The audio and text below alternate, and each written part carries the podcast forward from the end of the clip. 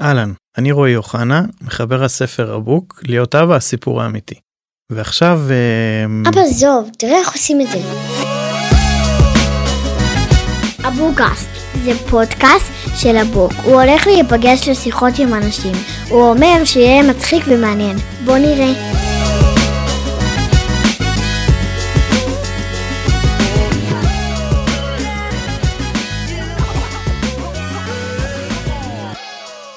הפעם באבוקאסט מאחורי הסיפורים. על הטקסטים בספר הבוק. הרעיון, ההשראה, איך הם נולדו, כן, משחק מילים בינוני, תהליך הכתיבה, בקיצור, כל מה שאפשר לספר. בפרק של היום, הסיפור החזה הכי גדול שראיתי. סיפור שנשמע שטחי, גברי, שוביניסטי, אבל מתחת לפני השטח נוגע במשהו עמוק הרבה יותר. הורות ואכזבה. ביקשתי X, קיבלתי Y, רציתי בן, הגיע בת, רציתי בת, הגיע בן, חשבתי שנהיה משפחה מושלמת. גיליתי שאין מושלם. אכזבה היא חלק מההורות. אני לא בא לבאס אתכם עכשיו ולהגיד שהכל בהורות גרוע, מתסכל ומאכזב. יש המון רגעי אהבה, גאווה ואושר. אותם אנחנו מראים, אבל את האכזבות שלנו לא תראו בשום סטורי, כמעט. כשהפכתי לאבא בפעם הראשונה, הייתי מאושר. הייתי שמח, הייתי בעננים, אבל בפנים אה, גם הייתה תחושה מוזרה של מה קורה פה עכשיו. ככה תיארתי את זה. למה אני לא רואה יותר מכבי בשקט? ואיפה הדייטים עם אשתי? ואיפה ערבי בירה והסוני עם החברים? אז אני חושב שזה היה באיזה ערב.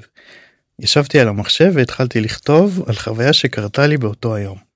חוויה מבילוי משותף עם רומי, שכנראה פשוט התחברה לה עם התחושות שלי באותם ימים. אני אוהב לכתוב סיטואציות אמיתיות, להציג אותן בצורה הכי אמיתית, את התחושות האמיתיות שחוויתי.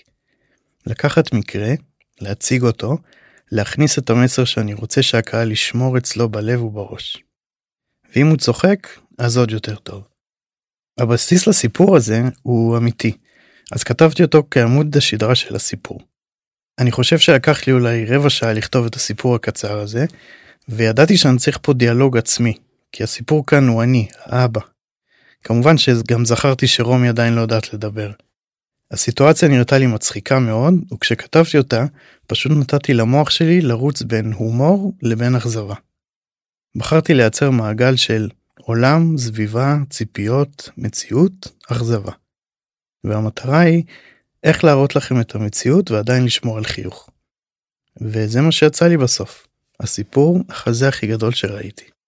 מגבת, יש. שמפו, יש. אוכל, יש. כוח, אין. כשנרשמנו לחוג שחייה לפעוטות, התלהבתי. למה? כי אני אוהב מים, כי זה זמן איכות עם הקטנה, כי זה שובר שגרה, ומעל הכל כי זה להיות עם אמהות צעירות וסקסיות בבריכה קטנה. אנחנו מגיעים לחנייה, יוצאים מהרכב, שמחים עם חיוך של מיליון דולר. נכנסים למתחם, ופקידה חביבה מקבלת את פנינו. שלום אבא ושלום לקטנה המדהימה שלו. הביטחון שלי בשמיים והתמונה של גל גדות בבגד ים, ואני מטר ממנה לא יוצאת לי מהראש. הגענו ראשונים? אני שואל את הפקידה. כן, אבל אתם מוזמנים להיכנס לבריכה. המדריכה בר כבר שם. את קולטת? אני לוחש לקטנה באוזן כאילו היא מבינה. יש בבריכה מדריכה בשם בר. בחייאת אל תספרי לאמא. בר באמת הייתה בר חטובה, נאה, עם עיניים יפות. היא לקחה את הקטנה ולא הפסיקה לחייך ולהגיד שהיא יפה ושהיא דומה לי. מתמטיקה פשוטה, היא אוהבת את המראה שלי. הבריכה אכן קטנה, והקרבה לבר גרמה לאושר רב ולתחושת גבר גבר. בואנה, אני מדבר לעצמי. זה נכון שבחורות חולות על אבות מגניבים. שלום לכם, בר קוראת לעוד הורים שהגיעו. האישה נראית פצצה והבעל הרבה פחות. אני מביט למעלה ומבקש. תעשה שהיא תיכנס. תעשה שהוא ילך והיא תיכנס. הוא נכנס. עוד אבא מגיע, הפעם אין אמא באופק. עוברות שתי דקות והנה עוד אבא נכנס לבריכה. השיעור התחיל, אנחנו ארבעה גברים בבריכה צפופה, ממש קרוב אליי עומד גבר. אחד ענק כזה, אחד שאפשר לקרוא לו חובב מזון. בן אדם שמן מאוד עם החזה הכי גדול שראיתי. נעים מאוד הוא פונה אליי, קוראים לי גל.